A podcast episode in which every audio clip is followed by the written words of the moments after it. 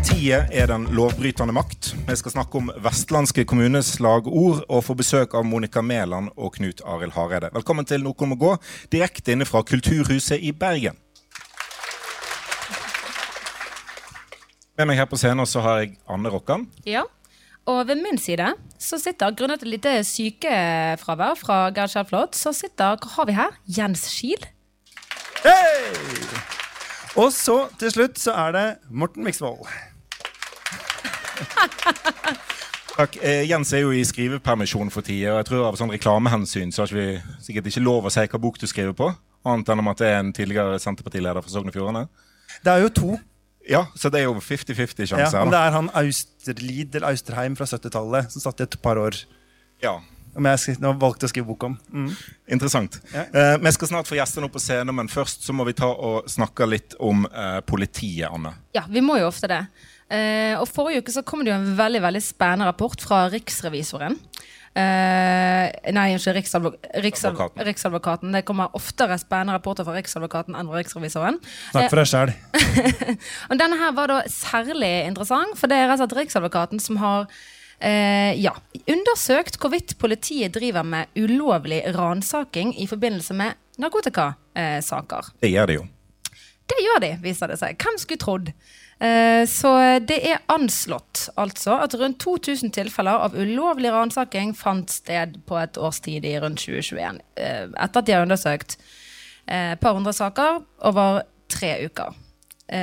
Og som en advokat hos Riksadvokaten kalte det, vi ser at tjenestefolk har strukket strikken litt langt. Det uttrykket elsker jeg. For det er jo sånn Hvis jeg hadde bygd 2000 ulovlige brygger på Vestlandet og vært statsråd og blitt tatt for det, så sånn Jeg bare strakk strikken litt langt. Det er liksom eh, Jeg vil ikke si Du hadde sikkert blitt ulovlig. si- ordfører på Vestlandet, da. Jeg vil si uhjemlet. Eh, Men så lenge du ikke tar med deg en uh, ungdom uh, ned på den bryggen og lyser de i underlivet fordi at du mistenker at de kan ha sett en joint i sitt liv, så er alt greit. Så det jeg sliter fremdeles med etter et par år med rusreformdebatt, det er det uttrykket 'kroppens hulrom'. Ja. Mm. Det, er, det er et vanskelig uttrykk å bli helt sånn uh, Du skal ikke bli komfortabel med det uttrykket. Jens. Nei, det er litt okay, av poenget. Men det som kommer fram i, i rapporten her, er jo at politiet er veldig komfortable uh, med det. da. har et uh, avslappet forhold til egen og andres kropp. Ja. Ja. Eh, og det er, jo, altså, det er jo fascinerende at grunnen til at denne rapporten kom, var jo ikke fordi at uh, storsamfunnet plutselig begynte å lytte til alle disse ungdommene, uh, alle disse folkene som hadde fått kroppens hulrom uh, undersøkt. Som har protestert. Ja, ja, en har protestert, det har vært kjent masse av dette her, men det kom faktisk fram fordi politiet innrømmer det på TV.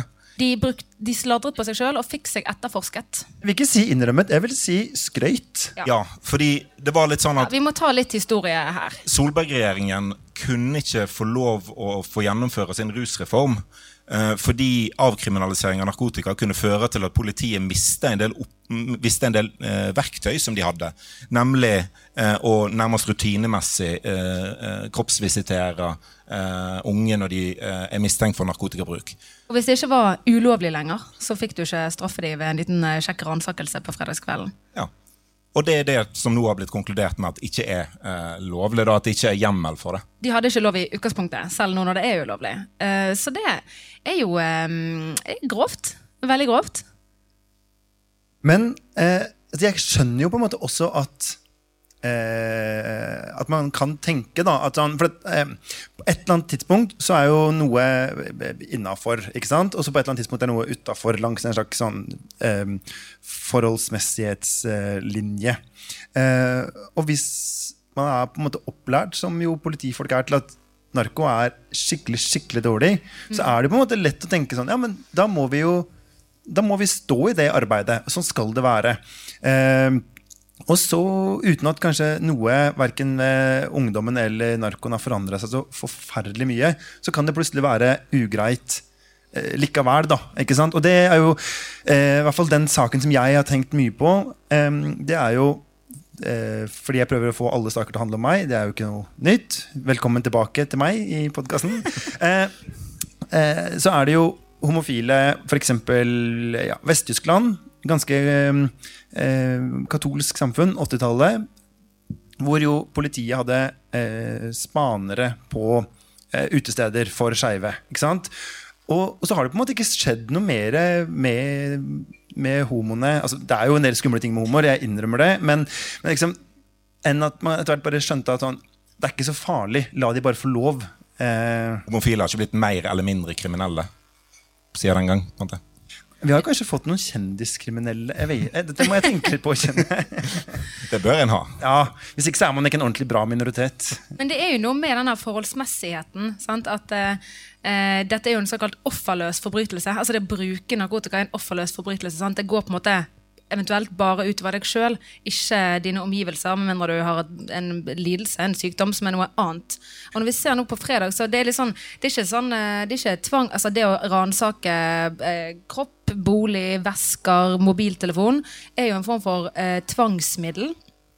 Eh, Og Tvangsmidlene de hadde tritt om, trådt om dagen. Og på fredag så ble to politibetjenter dømt eh, til å betale erstatning til en tenåringsgutt, som ganske mange kanskje fikk med seg en sak der de lyser han i underlivet foran vennene sine.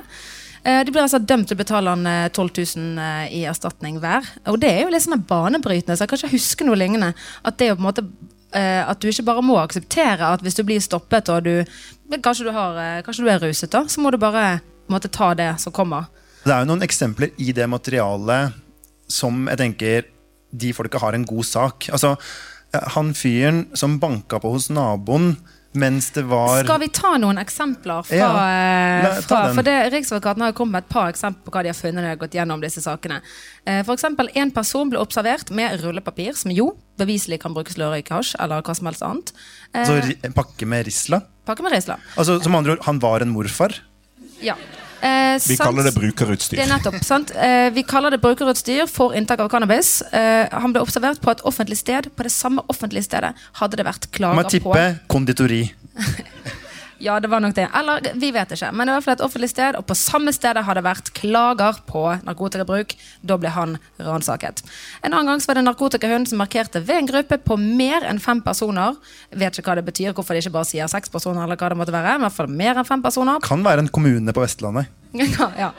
Eh, på et, nok et offentlig sted. Eh, og da ble selvfølgelig hele gruppen personransaket eh, istedenfor å ja, Du kommer med 2000 eksempler nå, eller? Eh, 200. Eh, men, og det siste er, mens politiet ransaket en bolig, banket naboen på inngangsdøren. Naboen ble personransaket for sikkerhets skyld. Da er du bra trigger-happy. Altså, det er liksom, du bare, jeg vil så ranse altså, Jeg bare elsker kroppens hulrom.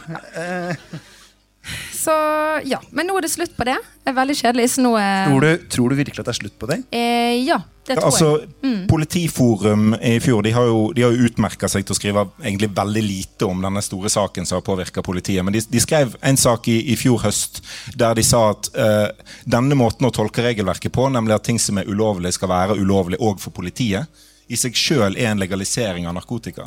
Eh, så De sa at de ble redd for å faktisk ransake folk. Og det er jo bra. Altså, det er jo det Det er vi vil at politiet skal være.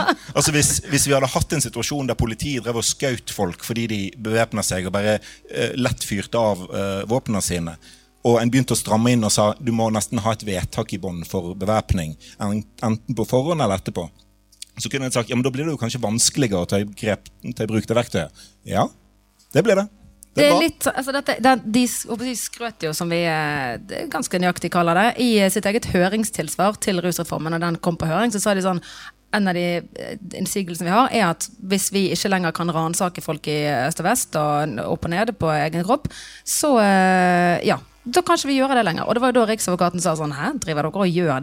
Det, det var jo ikke meningen. Men da sa de også konkret at for det, I det rusreformforslaget så ble det foreslått at hvis man mistenker at det er man kan gjøre et beslag, så skal man, kan man foreta en visitering. En litt mer sånn overfladisk ransaking. Inneholder ikke Så den, den som de tar på vei inn på På flyplassen, liksom. Eh, jeg tenkte på, på, på Koengen. På Koengen, Som er sånn derre de, liksom, Har du med deg et helautomatisk våpen, så vil vi gjerne oppdage det nå. Ja. Ja. sånn. Men da sa politiet Og, hvis du, og dette må du, um, dette må du uh, eh, samtykke til.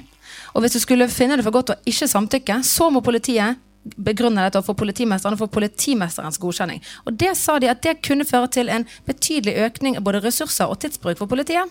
Og dette var derfor ikke hensiktsmessig. Og tenker Tenk å skrive dette her. Tenk å bare si sånn Da må vi gjøre jobben. Vi må, få, vi må argumentere for hvorfor vi skal strippe folk. Det, sånn kan ikke vi ha det.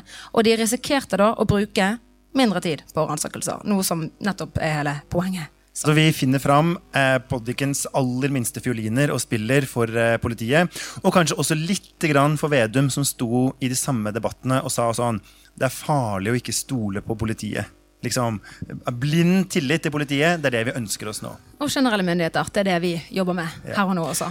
Men skal vi rett og slett gå videre og invitere opp en eh, som har vært eh, sjef for politiet, og en som har flytta til Haugesund, en by som for flere tiår siden innførte sin helt egne rusreform. Eh, velkommen opp, Monica Mæland og Knut Arild Hareide.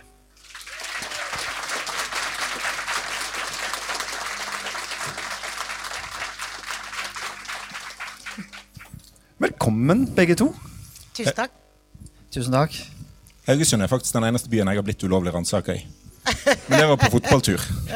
Det gikk av et bluss sånn 50 meter fra meg, så da fant politiet ut at vi må kroppsvisitere alle. God historie, Morten. Var det Så bare skjønner det? vi det. Ja, ja, det, jeg, jeg, jeg nikker og smilte. Det gikk av et bluss. Monica, du har jo vært eh, sjefen til Morten en gang i tida. Ja. Ja. Eh, hvis Og jeg kom meg helskinnet gjennom det. Ja, hvis du Det, det mer spesielle er at han gjorde det òg. ja. Det er usikkert. Altså. hva er attesten? Han var en veldig god rådgiver. Jeg har ikke tenkt å underholde med det. Og hva var Det var eh, til eh, Monica? Um, altså, fascinerende sjef. Uh, det, var, det var ei roligere tid i Bergen da. Selv om det var, det var masse som skjedde, i hvert fall i kjølvannet etter du uh, reiste til Oslo. Det var ganske dramatisk. eh, Noe av det jeg husker best med deg, eh, det var dramatikken. fordi det er ikke bare på landsplan at man har eh, eh, mindretallsregjeringer og, og partier går inn og ut av regjering, sånn som vi har opplevd. Det gjorde jo også byrådet i Bergen. eh, Så du var jo rådgiver for eh, Fremskrittspartiet, som faktisk gikk ut i protest mot Bergensprogrammet. Som du har skrevet ganske mye om eh, de seinere årene. Vi, vi gjorde det ikke helt frivillig. Nei, jeg vet. Jeg vet. Men det blikket jeg tror Trude jeg hørte om en gutt som var veldig fortvilt den gangen, som het Morten Myksvold. uh, Det blikket Trude Drevland uh, sendte oss når vi reiste oss fra det bordet og gikk, det, det kommer jeg alltid til å huske. Altså. Og du, Knut Arild, du har eh, gjort eh, vestlending av deg på nytt. Ja, Eh, skal det bli godt å på en måte få eh, avknotifisert eh, dialekta litt? altså det må jeg bare si at da det bømlingene er mest misfornøyd med meg på, det er at jeg knoter. De har aldri kritisert meg for hva jeg har sagt. Ja, fordi de ikke forstår det. Ja, Så det Men det er jo kjekt å komme hjem igjen, da. Så, men det er jo litt roligere. Selv om denne helga Da føler jeg var en liten opptur, for jeg har trenda faktisk på Instagram. Eh, og det er fordi at det er en i Sogn som har uttalt til Sogns Avis eh, hvordan det er å ha omikron. Og han har sagt at det er som å ha Knut Arild Hareide sittende på brystet og ta strupetak på deg. Og så la han til det er ikke livsfarlig, men det er veldig irriterende i lengda.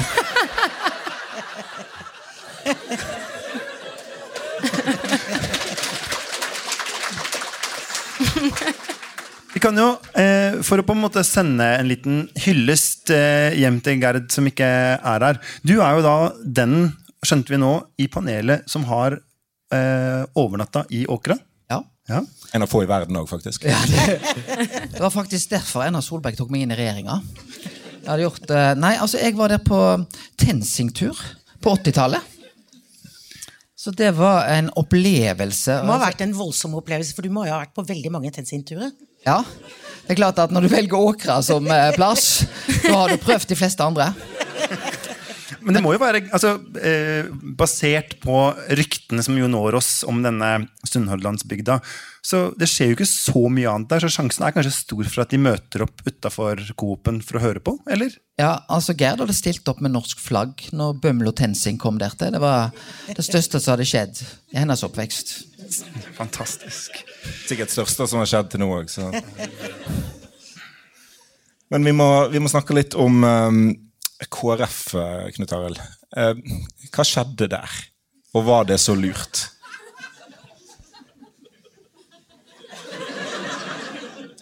Hva er Sjøfartsdirektoratets offisielle mening om Kristelig Folkeparti? Ja, nei, det er det, det, det, det er mange altså Det er klart at uh, jeg skal ikke gi, Det er ikke ett fasitsvar. Uh, og uh, det er klart det er lett å være etterpåklok. Men jeg angrer egentlig ikke på det jeg gjorde i 2018. Jeg tror at det var en sånn indre splittelse uh, i KrF. Vi måtte stake ut en kurs, og vi trengte hjelp til det. Så kan jeg godt si at det er noe knytta til prosessen hadde jeg gjort annerledes. Men jeg tror det behovet var der. Selv om jeg ser blikket til Monica nå er litt stygt på meg. Eh, så, så det, var, det, var, behovet var der reelt sett. Og så tenkte jeg at vi kunne lykkes samme hva strategi vi skulle velge.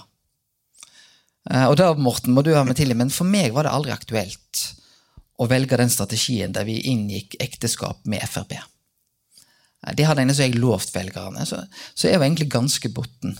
Og jeg visste at etter valget i 2017 så måtte vi ta et reelt valg. Men det er klart, vi skulle tatt det valget før valget 2017. Men da hadde vi nesten valgt ja, Vi prøvde ut det vi gjorde i 2013, en gang til. Eh, og det gikk ikke. Og da tok vi et valg etterpå. Men det jeg syns, jeg synes denne podkasten har vært ganske god på, er at, at Kjell Ingolf Ropstad som politiker, og jeg vil si kapasitet, er ganske stor. Og jeg tror han har hatt mulighet til, til å lykkes òg. Og så kom det noen føringer både under 2018-runden og etterkant som gjorde den jobben vanskeligere. Men han lykkes veldig godt i valget i 2019, og han var ganske nærme òg i 2021. Um, ehm, og så, uh, så, så, så, Men det var en indre splittelse og spenning som var uunngåelig, og på et tidspunkt så måtte vi ta det.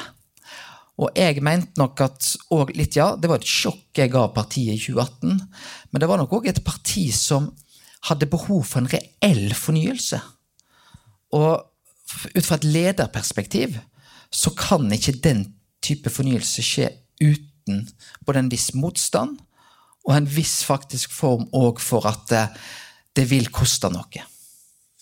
Jeg leste for et par uker siden eh, Olav Kobbeltveit, som var eh, politisk redaktør i Bergens Tidende i Hine Håre, som har skrevet en bok om eh, Valgerd Sørste Haugland. 'Valgjerd eit portrett'. En veldig god bok som eh, den, den, leser du en gang du har litt fast mage. Den er ikke så tjukk.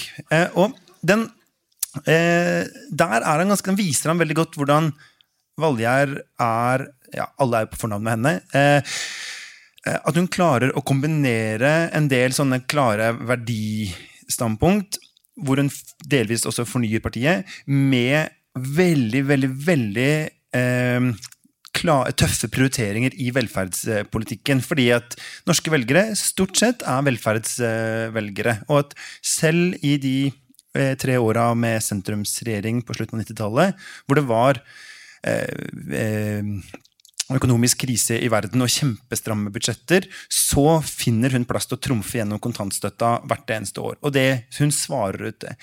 Eh, jeg har tenkt liksom mange ganger at KrF har på en måte mista den der teften fordi de gode, konkrete sakene som velgerne kjenner seg igjen i. Ja, altså, jeg, det er klart Den nedturen som KrF Det er lett å tenke at eh, det er de siste årene, men i realiteten så er den nedturen fra Valja gikk av, så har det vært en sammenhengende nedtur. Eh, og for så vidt i slutten av hennes tid. Og både i den lederperioden jeg hadde, den Dagfinn hadde, og den Kjell Ingolf hadde. Og jeg tror at politikkutforming og fornyelse har vært helt eh, har, har vært noe som vi har svikta på i den eh, perioden. Så syns jeg at Olaug Bollestad har fått en ganske god start. Nå prøver du med en dame igjen. Det, jeg tror jeg bomma med tre menn. Så ja, ja, men, men, men altså, jeg syns Olaug Bollestad med sin profil har, uh, hun viser sin folkelighet. Så det er klart at, så kan du si ja, men meningsmålingene de ligger der de ligger nå. Men det tror jeg faktisk KrF må være uh, litt sånn som SV opplevde det etter 2013-valget. De lå altså nesten under 4% hele perioden fra 2013 13 til rett foran valget i 2017, der det gikk eh, over, eh, ganske godt over sperregrensa til slutt. Men oppturen kom egentlig ganske rett før valget i 2017. jeg tror at KrF må være forberedt på at de kan ha en lignende profil på, på målingene. Og jeg tror sånn som nei, sånn som Olaug Bollestad har håndtert en del vanskelige spørsmål, reelt sett sikre en fornyelse både knytta til abort, knytta til homofili, som hun har tatt synes jeg, veldig gode og grunnleggende oppgjør, på en måte som likevel har holdt laget samla. Og da greide jo ikke jeg på samme måte. Ja, nei, hun virker Jeg må jo bare si at, eh, altså, at jeg har litt trua på Bollestad. Eh, det er kanskje naivt, men, men jeg, eh, jeg har liksom tenkt at hvis det er noen som kan greie det, så er det henne. Og det blant annet knytter seg til at hun er såpass eh, Det er ingen som tviler på at hun er skikkelig fra KrF-land. Skal jeg røpe noe, Jens? Ja, Det var du som viste meg at Olaug har litt sånn sjelden talent på sosiale medier. Fordi at eh, du viste meg et bilde der hun satt og hadde is og rørte syltetøy i fanget. Og det bildet hadde gjort veldig sterkt inntrykk på deg. Altså, jeg er jo ikke så kjent med på en måte kvinners seksualitet. Så det var jeg Altså, jeg tenkte på de der mennene som drev, de der politimennene som drev spaning på den homsebaren. Tror du de ville tatt deg eller meg? Ja, det er et godt spørsmål. Eh, det er jo eh, Altså, Men dette er jo den derre den der, eh, kosemåten å drive politikk på er jo også veldig typisk KrF. Jeg husker blant annet en gang mens jeg jobba i Klassekampen, at du skulle avsløre for Klassekampen hva som skulle være KrF sitt syn i, hold dere fast, saken om EUs bankinnskuddsgarantidirektiv. Eh, Altså, det, det, er en, det er en viktig sak for Norge, og kjempespennende. Og da inviterte du hjem i leiligheten. Eh, Emil André Erstad eh, ble sendt på kjøkkenet for å lage vafler, og rundt så kravla det unger overalt mens vi prata om eh, EUs bankinnskuddsgarantidirektiv. Eh, er, det, er det et triks KrF-erne bruker, liksom fra bedehus og inn i politikken? Altså, Jeg har fortrengt det, men jeg vet jo at Thorvald Stoltenberg han hadde jo trikset at når det ble litt vanskelig, så reiste han seg opp og gikk bort og henta smørbukk fra ei skuffe. Eh, Så det er bare at jeg utvider dette til vaffel og unger og en litt større kompleksitet. De er jo kjent med andre partiledere også som har en tendens til å invitere hjem og sørge for å ikke rydde. Det er jo ikke unikt i norsk politikk. Vi har sett eh, Erna med de her godt, altså, posene med smågodt på forhandlinger. Men det er jo helt reelt, og det er det som jeg tror Erna Solberg styrker seg, for hun er eh, ja, skulle si, genuint folkelig på ett vis. Og så er hun en nerd ut av dimensjoner på detaljer og sakskompleks eh, i en annen setting. Så det, ja, det er Men ekte. Angående sånn kynisk politisk kommunikasjon, altså vafler i ditt tilfelle. Filatøflene, Monica. Var det Og etterveksten. Ja. Eh, Det er de eh, to tingene jeg huskes for etter korona. Jeg fikk eh, faktisk bilde underveis av en venninne, en veldig god venninne av Erna, som hadde spurt moren sin åssen ser jeg ut på håret. Så sa hun du kan slappe av, du ser ikke så ille ut som Monica Mæland. Så hun sendte meg bilde over centimeterne som var kommet. Men du var veldig velkledd på midten. Eh, Det var Ja, på en måte topp det og bunn det som sto som, for eh, alibiet. Det var jo en absurd situasjon å holde pressekonferanse fra mikrofonen Hold dere eh, fast fra disse pendlerleilighetene, som har vært ganske mye omdiskutert. Men jeg var da satt i karantene fordi jeg hadde vært på et møte i Brussel, og plutselig så måtte jo vi som hadde vært i utlandet, i karantene. Eh, så jeg måtte det noen dager. Men da, og da var vi jo begynt med disse pressekonferansene som vi var opptatt av å ha. Eh, så da hadde jeg det i leiligheten, og da var det jo bare herfra og opp skulle synes. Eh, Så der var jeg svartkledd sånn som jeg pleier. Jeg var i og for seg det der òg, men på, på, på føttene så hadde jeg mine filatøfler som jeg liker veldig godt. Og så spurte han rådgiveren min om han ikke kunne få lov å ta et bilde av de og legge de ut, og jeg tenkte ikke så mye mer over det, men jeg skjønte Tenkte jo ikke litt over det i det Jeg tenkte hele ikke tatt. litt over det en gang, det lover jeg. Eh, og jeg er jo veldig dårlig på sosiale medier, det vet absolutt alle som eh, kjenner meg. Så jeg skjønte ikke hvor mye furore det ble før jeg Ja, før jeg begynte å lese om det. Jeg kan avsløre at jeg eh, lenge før du kom ut eh, på internett med det, også gikk til innkjøp av noen sånne filer, akkurat de samme filatøflene faktisk. Eh, første sommeren min i BT, det var varmt. Og har nå liksom, etter først så skammet jeg meg litt, for når du går gjennom redaksjonen på sånn egentlig ganske sånn mykt teppebelag, så kommer det sånn flapp, flapp, flapp, flapp, flapp. Så gjerne forbi desken, sant? det er full krise, de er kjempeseriøse, sitter der med krimsaker, så kommer det sånn flapp, flapp, flapp, flapp.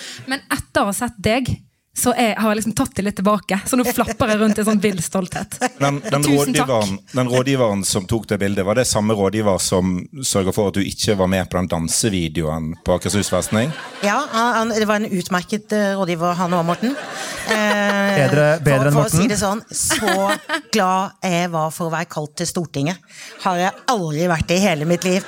Når jeg hørte, og jeg trodde jo Erna tulta, så noe sa vi skulle danse. Var jo tull. Eh, og det var jo tull fra ende til annen, men det var jo ikke noe gøy. Det var ikke noe gøy tull. Eh, annet enn for alle dere da, som så på. Nei, det var ikke gøy for oss. Kan jeg, kan jeg bare spørre om en ting? altså, Monica Mæland, for deg, hva er gøy tull? Fins det noe som er gøy tull? Det er masse gøy tull. Eh, jeg er ikke så farlig som du tror. Eh, men eh, nei, altså det er ikke gøy å stå og dumme seg så ut, altså. Det er en grense for alt. Det er noe av det verste som har skjedd på Akershus festning, tror jeg. Jeg, jeg tror en krig hadde vært lettere å håndtere. Vi skulle helt dit.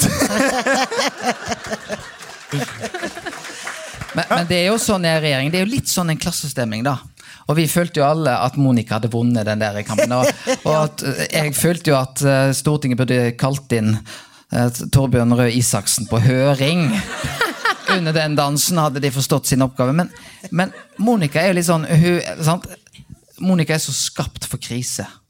Hun håndterer det. Og podkasten Dere hyller jo henne eh, så ofte dere kan. Jeg. Ja, ja, ja. Men jeg opplevde også litt sånn svak tilfelle. For det er klart at det ble snakk om at hele regjeringa skulle ha faste PCR-tester. Så følte jeg at Monica si sånn, Da ble jeg tøffe-Knut. Det er for første gang i livet.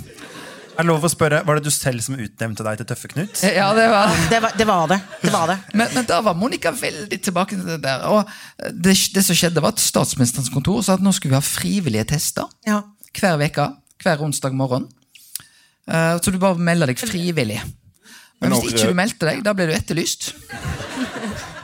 Jeg, jeg spurte hvor frivillig det egentlig var å bli lobotomert hver uke. Eh, hvis man var helt frisk. Eh, og etter å ha gått i samme rom og veldig tett innpå hverandre veldig veldig lenge, så eh, fikk jeg beskjed på at eh, jeg kunne godt la være å komme, men da kunne jeg kanskje la være å komme i regjering òg. Så da ble jeg lobotomert og lobotomert og lobotomert. Ja. Herlighet.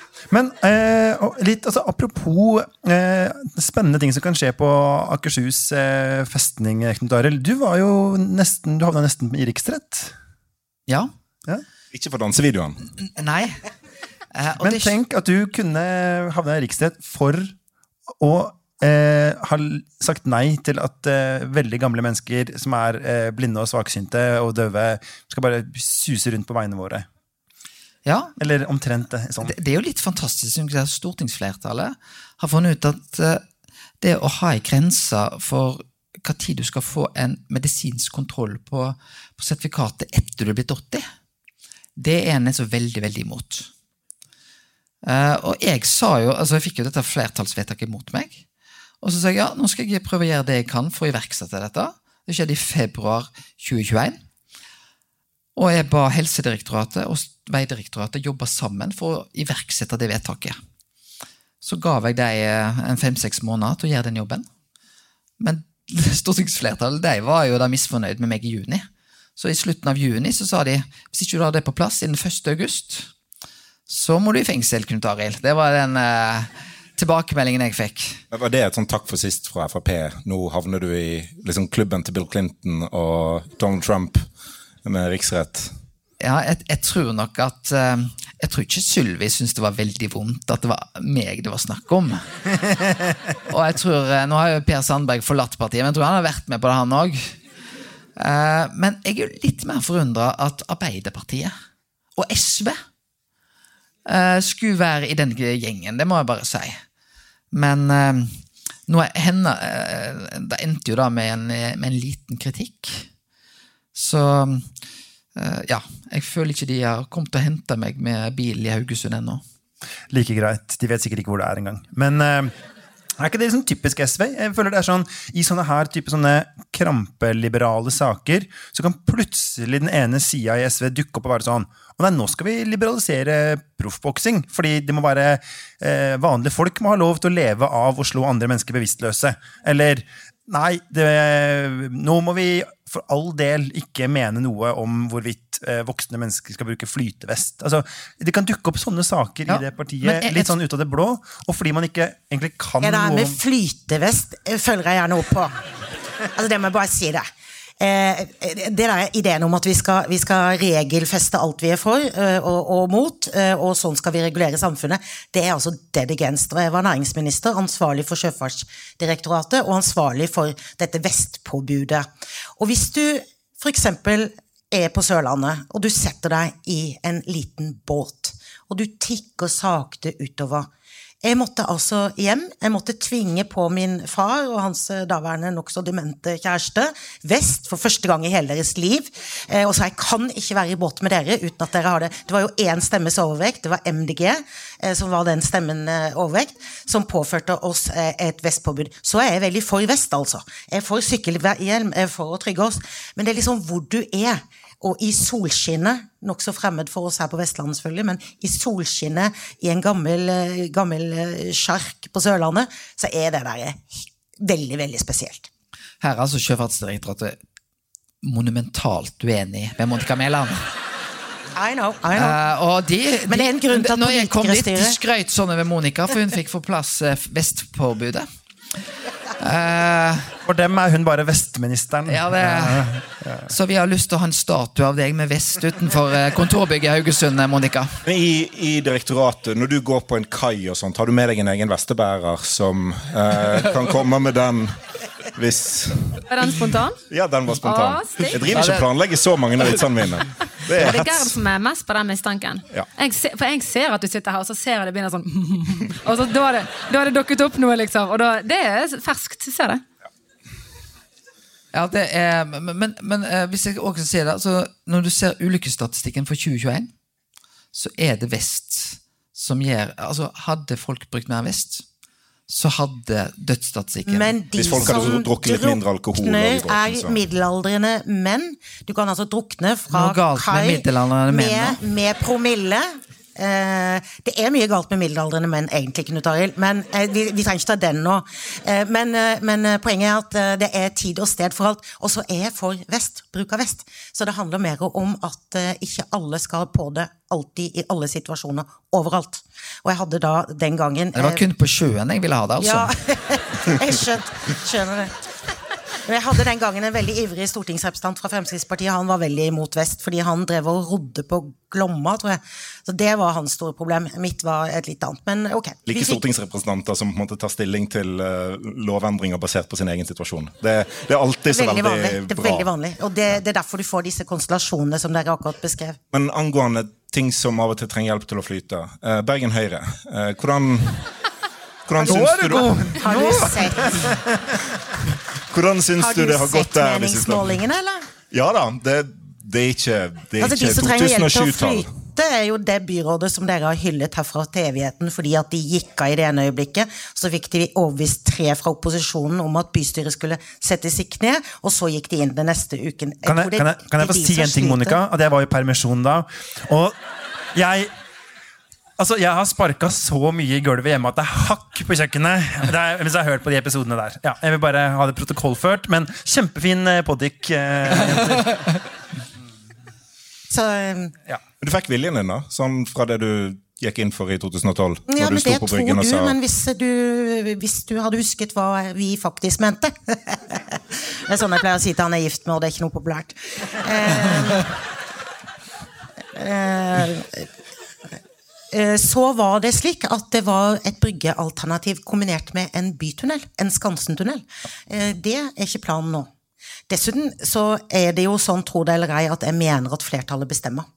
Eh, Og sånn er det ikke nå. Nå er egentlig flertallet i bystyret tvunget til å ned, og jeg har nå et partivedtak som, eh, som mener noe annet enn det jeg mente. Eh, men, men mitt syn var Bryggen, men da kombinert med en annen trafikal løsning enn det de har nå.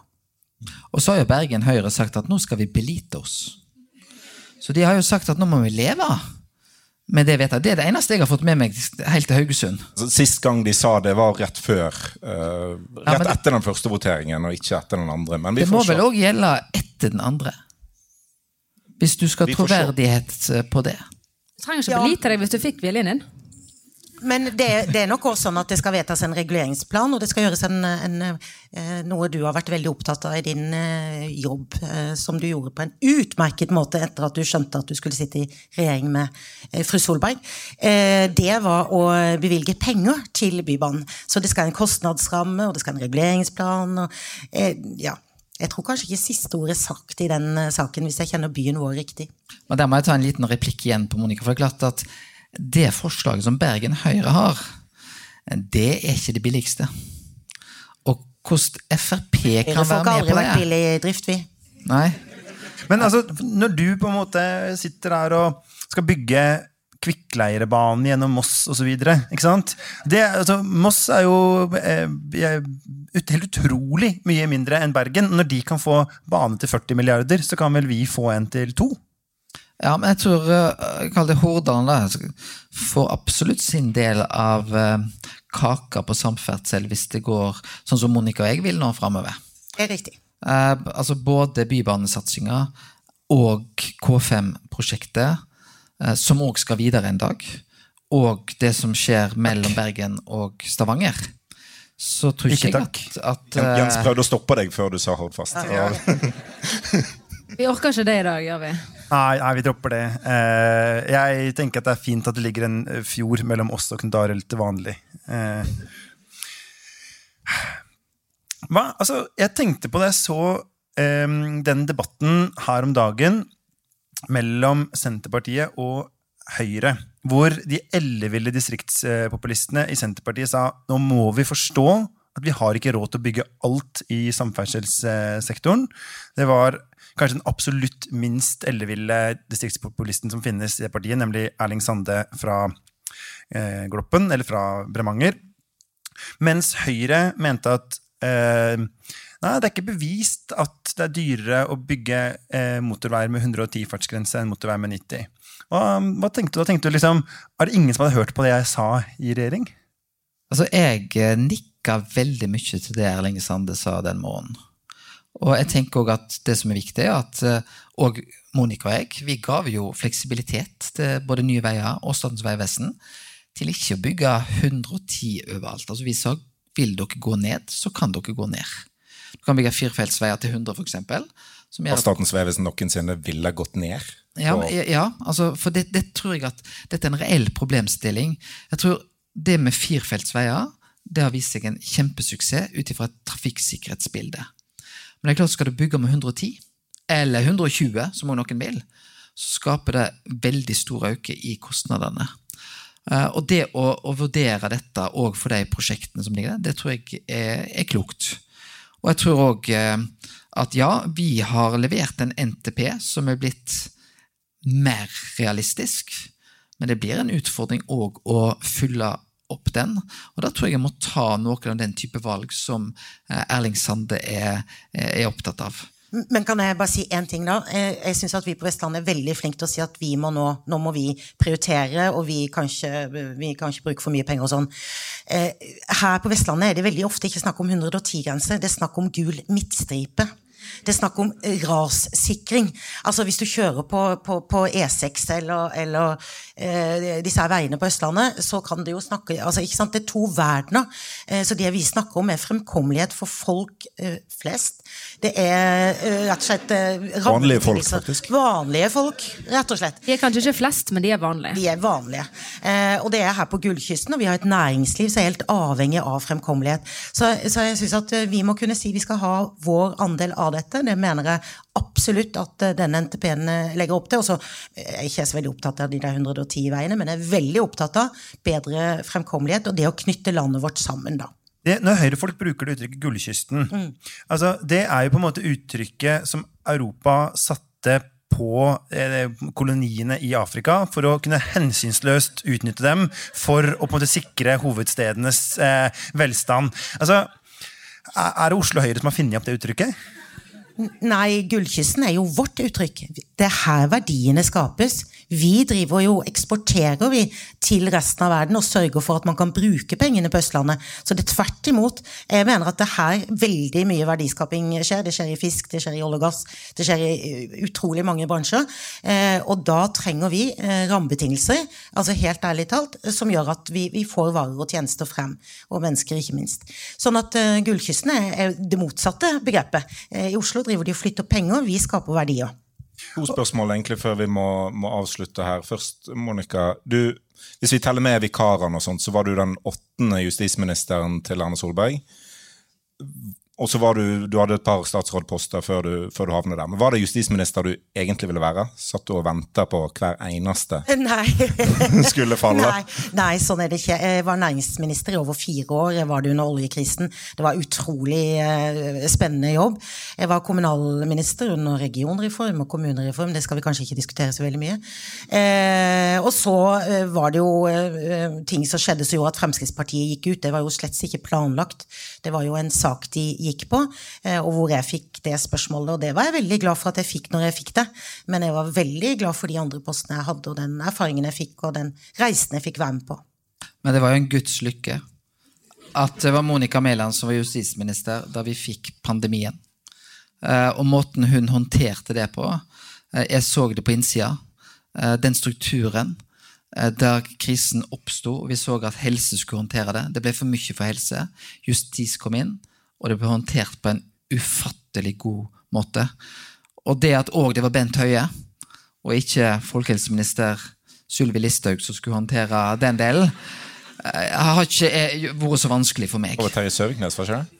Ja, det var kanskje Terje Søviknes. Gå litt i surr med alle disse. Ja, hun ble vel Velkommen til denne episoden av Hver gang vi gråtes, hvor uh, avdanka møtes for å liksom Men det var det seriøse svaret på det jeg kom til å stille deg nå. Altså Da Frp gikk ut av regjering, hvor glad var du da?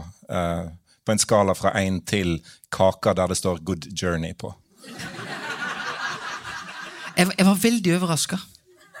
Fordi at hadde jeg tenkt den muligheten uh, så, hadde jeg aldri, så, så, hadde jeg ikke gjort noen. så, så hadde jo ikke jeg tenkt på den måten jeg hadde tenkt på det et par år før. Så, så det var en måte imot all Altså, Høyre hadde aldri gått ut av regjering fordi de ikke kunne håndtere en situasjon. De ville alltid tatt ansvar. Det tror jeg ville gjeldt for det ville gjelde for Senterpartiet, det ville gjelde for Arbeiderpartiet. jeg tenker For KrF en samme tenkning. Så det, En velger på en måte å tre til side fordi en ikke kan håndtere Det opplevde jeg det var realitetene. Så kan jeg si det at uh, mitt forhold til, til Frp har nok vært litt sånn preget av det. Jeg har sett veldig tydelig på enkelte personer i Frp som jeg kanskje ikke har nettopp tenkt det har vært min fanklubb. Men så overtok jeg òg etter Jon Georg Dale. Uh, og jeg har lyst til å si bare måten han ble omtalt i departementet, og jeg har sett den jobben han har gjort, så tenker jeg at det står Det er en person jeg, jeg syns det står utrolig respekt av. Altså, eh, Per Sandberg hadde jo en gang i tida slagordet 'Norske veier må bli så trygge at det skal være greit å fyllekjøre på dem. Vurderte du det som din kampsak i departementet? Ja, jeg tenkte på det. Altså eh... Men kan i hvert fall sørge for de 90-åringene, da. Der kunne du slå to fluer i en smekk. Ja. Altså, jeg ble møtt med i en eh, valgdebatt på at jeg skulle samarbeide med Frp, og de ville ha sprit eh, på bensinstasjonene. Eh, og da svarte jeg til Jens Stoltenberg hvis, F, hvis, dette skal bli gjennom, så må Frp få rent flertall. Og da kan det være, kanskje være greit med sprit på bensinstasjonene. Skal vi rett og slett la det være siste ord? ja, jeg tror det. Ja. Barn er eh, der. Eh, tusen takk for at dere kom. Lykke til videre i en altfor lang, eller en kjempelang karantene, Monica Mæland. Og eh, lykke til på vakre Karmøy, Knut Arne Hareide.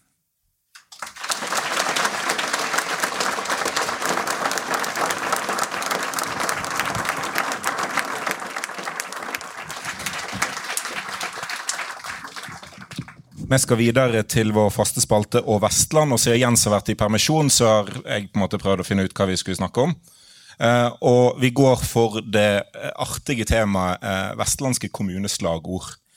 Og hvordan den institusjonen er i endring. Eh, for det er det er en glideflukt vekk fra det koselige gamle, med litt sånn dumme, teite slagord. Um, trekker fram tre. Eh, Høyanger, eld, kraft, vann. Earth, wind and fire. Altså, jeg er sikker på at de har mer der, men det er nå de tre tingene de har eh, listet opp. Sveio, midt i leio. Som er ikke, altså Vi diskuterte det før, og det vestpåbudet tror jeg er veldig bra. For du skal ligge veldig lenge midt i leia, som er da en farlig Tenk på det er som i veien. sant? Det Ja. ligger uh, ligger litt i veien. Få det bort. Ja. Ja. Altså, No det er jo på en måte Å være i veibanen er jo sjelden et sted du har lyst til å være over tid, tenker jeg. Ja. Og så eh, Vaksdal, som egentlig har den fine, da. Eh, som jeg er usikker på hvor mange i Vaksdal som kjenner til at deres kommuneslagord er bynært bygdeliv. Men, eh, men jeg syns nå det høres litt eh, koselig ut. Eh, skal en først bli bygd, så eh, kan jeg nok reklamere med at jeg nært byen, i hvert fall. Um, men det har jo vært en, en regionreform, en kommunereform, som har satt liksom fart i ting. Det er nye kommuner som har dukket opp. Det er ikke alle de som har fått nye slagord, men de har i hvert fall hatt verdiprosesser. Eh, visjon og misjon skal avgjøres, og helt sikkert hvor sykehjemsplassene skal ligge òg, men jeg tror det var litt lenger ned i, i prosessen. Altså, Nye Ullensvang hadde jo var det 15 visjonsverkstader eh, rundt forbi i kommunen. Ja. Eh, og da kom de jo fram til eh, For å forankre liksom et, eh, en retning for den nye kommunen. Eh, Ja, og da kom de fram til slagordet 'Jævla bra kommune'. Som også vant avstemninga, men som kommunestyret vendte tommelen ned for. Eh, Som Hardanger Folkeblad skrev, tilrår visjon uten banneord. Det, det er ikke så veldig overraskende at en gjør det, men, men det var jo litt, det var litt surt. Men jeg syns jo at den gamle, de, de tradisjonelle slagordene har hatt uh, mye for seg. De er jo eh, anvendelige. Eh, vi kan jo f.eks. gå til Mortens eh, gamle hjemkommune Lindås, Ja. eh, som har et slagord som er så fint at det til og med kunne bli en sang av det. Og da lurer jeg på om vi rett og slett kan få noen sekunder av Saman for Lindås her.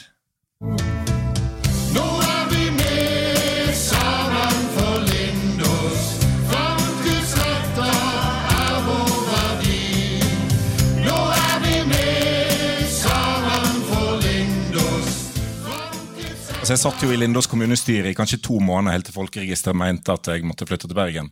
Um, ingen pendlerbolig involvert. Um, uh, jeg tror jeg hadde trukket meg fra kommunestyret hvis jeg måtte vært med på det der. For der var det, det var litt variert. Det er musikkvideo. Uh, så det kom, altså Rådmannen er involvert, det er ansatte i kommunen som driver og synger og danser. Det er en kjempelang sang, fordi hver eneste avdeling hele kommunen skal innom og presentere på en måte hva de driver med, hvordan de jobber, og hvem som er på avdelinga, og sånn. Så det er jo vers etter vers etter vers. Eh, vi kan legge den ut i gruppa etterpå. Ja, Ja, jeg tror han har blitt lagt ut en gang før, men, ja men det er, det er jo en Det, det er en sang for gjensyn. Ja, virkelig. Men, men den, den eh, forsvant jo, den kommunen. Eh, ble slått sammen med Radøy og Mæland. Radøy hadde Den grønne øya, eh, som er jo ja, Grønland. Eh, vel òg Den grønne øya sånn i, i hvert fall Per hensyn, Like, like langt unna. Eh, Mæland, de hadde Hva var det de hadde, da? Nei, jeg husker ikke. Ingen som husker Mæland. at de fantes uansett. Men Alver kommune, denne nye kommunen, de har, fått, eh, de har ikke fått et slagord, men i tråd med den nye tida så har de fått et kommunikasjonskonsept. Bygde på fortida for framtida. En gang til. Bygde på fortida for framtida. Altså, det, eh, det er på en måte akkurat like generisk som det helt forferdelige kommunevåpenet deres. Det var òg et dobbeltmellomrom inni der, så jeg vet ikke helt hva som skjer. Nei. Um, Øygarden har gjort noe lignende. De òg også vet at en visjon, ikke et slagord. For det kan ikke hete slagord lenger, for da kan ikke noen ta veldig masse betalt Slagord for det. Slagord tenker jeg også, da må det sies med litt sånn trøkk og et form for klapp Ja. eh, på slutten. Øygarden, et fyrtårn i vest. Og jeg søkte opp fyrtårn i Øygarden, og eneste fyrtårn jeg fant, var et nedlagt et. eh, Som har blitt nedjustert til ei fyrlykt. Um, Vi snakker jo om kommunen som vurderte å opprette distriktskontor i Bergen sentrum, for de sleit med å få eh, folk til å søke på jobbene sine. Så det er jo noe med liksom, selvtilliten ute i Øygarden som jeg tenker at kanskje ja, Det er noe med den optimismen i mange av de nye, og for så vidt altså de skamløse gamle eh, slagordene, som er litt sånn eh, Altså, dere har jo brukt denne podden i stor grad til å mobbe meg. Eh, som ikke kan bevise liksom, tidligere bosted i, i distriktet, eh, på bygd. Eh, og da med en sånn at tatt stolthet i at Det kan vel ikke Jens heller. Jeg elsker at jeg sånn- kan være med å mobbe deg for ikke å komme fra bygda. Det er det. Fordi at du har kjørt mye bil eh, på diesel i, på bygden. Men uansett så har jo på en måte etter hvert en spalte der Morten og Gerd også har fått vise frem det de kaller en stolt sånn vestlandsk måteholdhet. Eh, og da, eller Vestlands måte å holde, syns jeg det er veldig ironisk å ha sånn bravur i De hadde, burde hatt sånn Øygarden. Det funker. Ja, men det, altså, En kan jo ikke lyge heller i disse slagordene, så jeg er usikker på om det der Kan jo si sånn Ullensvang, det er ikke så gale. Det hadde jo vært det vestlandske, den vestlandske slagordsformen. Altså, Gaustad. hva med eh, hva, Olsvik? Har dere noe slagord? Mm. Olsvik, kom hit, bli slått ned. Eh, nei, men vi hadde mye sånn altså Gi, underveis. gi beng, få deng. Gi beng, få deng. Ok, jeg skal ikke, Vi trenger ikke å tekstanalysere det. Eh, hva vi ville tolket det som i Olsvik, for å si det sånn.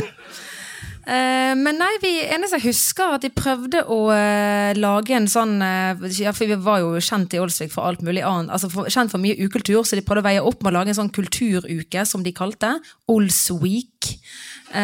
Og det er det mørkeste jeg kan huske. Og det var, det var mye tøft der oppe, men ja. Du veit hva Svartmetallfestivalen hos, hjemme hos Knut Arild Hareide heter? Nei. Carmageddon. Det er jo du som sitter på bussen og koker i hop så det dårlige ordspill. Det er Du er sant. frikjent, Det er faktisk Morten. ekte. Det er en ekte kjempestor Nei, det er ikke sant. Kan vi få den opp igjen? Jeg trenger en redegjøring. Altså, Hvor ofte ser du KrF-ere på Svartmetallfestival? Eh, han er ikke liksom øyenvitne du trenger her. Ja. Men ok, disse, disse eh, visjonene, da. Ikke sant? Eh, slagordet til Viken, som jo eh, disse to vi hadde her oppe i stad, har vært med å lage, det er 'Viken viser vei'. Og det kan vi vel trygt si at de ikke gjorde. Altså I ganske mange forskjellige retninger. da Altså Ja. Der er Buskerud, der er Østfold, og der er Akershus. Viken viser mer sånn nødutgangen, Kan jeg, få, kan jeg få lansere et slagord som enhver sammensatt uh, uh, kommune, fylke, hva som helst kan uh, få? Eh, Viken. Konstruert og komplisert. For her påstår du egentlig at kommune og fylkeskommune er konstruert og ikke liksom skapt av et åndelig vesen. Ja. Ja, Takk. Det var det jeg mente. det, Altså, kan vi da ta kjerneverdiene til Viken? Eh, som Se for dere de siste ukenes eh, eh, debatt. Lukk øya nå, lyttere, og så tenker dere at kjerneverdiene er raus, nytenkende og samskapende. Jeg snakker om Viken fremdeles. Eh, Det er, liksom, det er godt gjort at de samme menneskene som vedtok de kjerneverdiene, nå sitter og er Prøver å slå opp med hverandre og få lov. Men det, det tyder jo på litt sånn at de konsulentene som har vært involvert, har jobber flere plasser. Da. For Sogndal, nye Sogndal kommune tror jeg også har samskapene som en av sine Hva eh, er verdier. Samskapene? Og det tror jeg ordet de har valgt fordi at det skal stave sogn. Eh, altså første bokstav i hver verdi skal stave sogn. Samskapene og godt nok. Ja. Vestland eh, har et slagord som jeg synes er, eller kjerneverdier som jeg syns er ubehagelige. For de har eh, kompetent og åpen, det er greit nok, men så har de modig. Og hvis det er noe jeg ikke vil ha, så er det en modig fylkeskommune. Altså Jeg vil ha en feig, tilbakelent, litt sånn eh, vi gjør det som i fjor-aktig fylkeskommune. Tusen takk. Vær så snill. Der er jo Bjørnafjorden, nye Bjørnafjorden kommune ganske bra. da, fordi altså De brukte jo rett nok en million kroner på det, men de gikk jo fra Os inspirerer til Bjørnafjorden bli inspirert. De brukte jo Terje Søviknes, som hater offentlige utgifter, brukte først en mill på Os inspirerer, og så slo han sammen, og så brukte han en ny mill på å bli inspirert. Det er så utrolig godt jobba. Ja. Fusa, som jeg hadde slagordet 'Midt i blinken', som ble en del av Bjørnafjorden, de, de var ikke engang i nærheten av skyteskiva. når Det, Nei. Er det lov å si at Fusa aldri var midt i blinken? det er lov å si. Altså, altså. apropos det Anne sa i stad. Altså, at det er veldig lite vestlandsk. Altså, Fusa, liksom sånn eh, Ikke bullseye, men kanskje sånn den derre 20, liksom. Eh, ja. Ligg nå der. Ja. Fusa. Det er noe der. virkelig fjernt eh, Ja, en fjern, eh, virkelighetsfjern rød tråd i alle disse her forslagene. Men Bergen, da? Bergen har ikke noen slagord. Men har kjerneverdier. Ja. Her er noen som har vært på seminar på Høyfjellshotell, og det kommer det jo aldri noe godt ut av. Så i tillegg til sikkert et par kjappe varslingsskjemaer, så landa de på kjerneverdiene aktiv og attraktiv. Og det for meg, det er en sånn eh, dame som Frode Tuen mener har lav markedsverdi, som, som skal skrive Tinder-bio.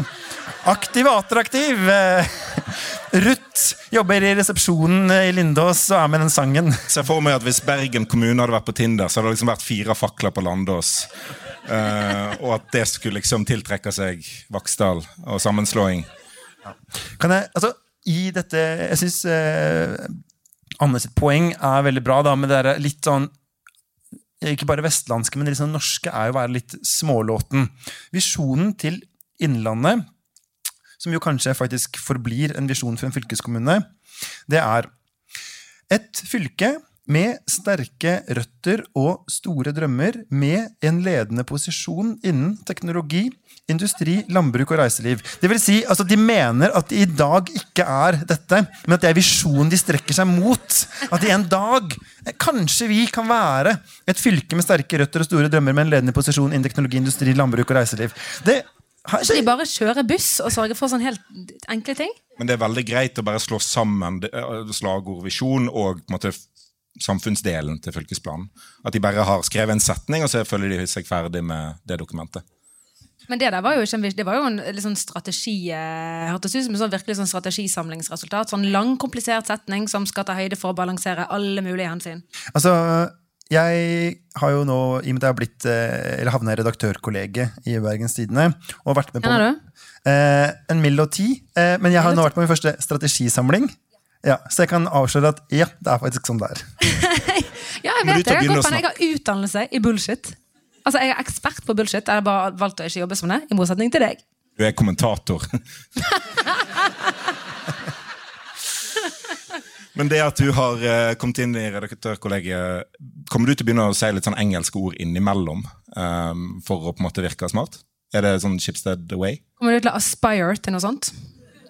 Hva betyr Spire? Strekke, strekke seg etter, ja. Ja, okay, ja. Eh, da må jeg jo åpenbart lære meg de ordene først.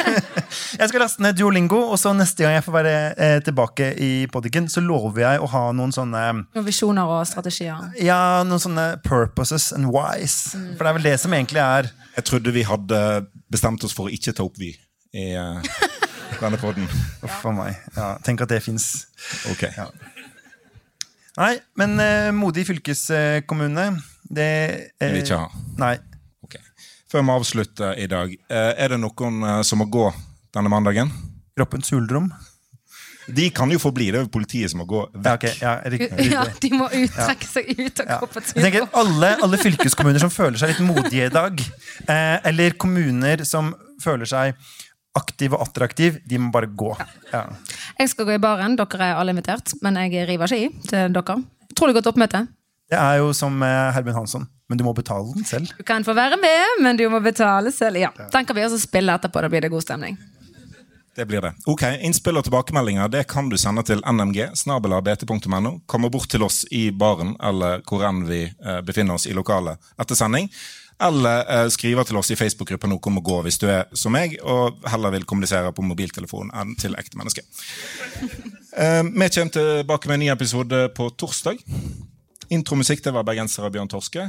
Produsent er Henrik Svanevik. Eh, arrangementansvarlig er Martin Larsen Hirt. Og du finner Podikken i BT-appen Podkasten. Pod. og podden. Eh, og tydeligvis Riktig. da her på Kulturhuset i Bergen. Tusen takk til våre to eh, gjester, og til eh, alle publikummere på Kulturhuset.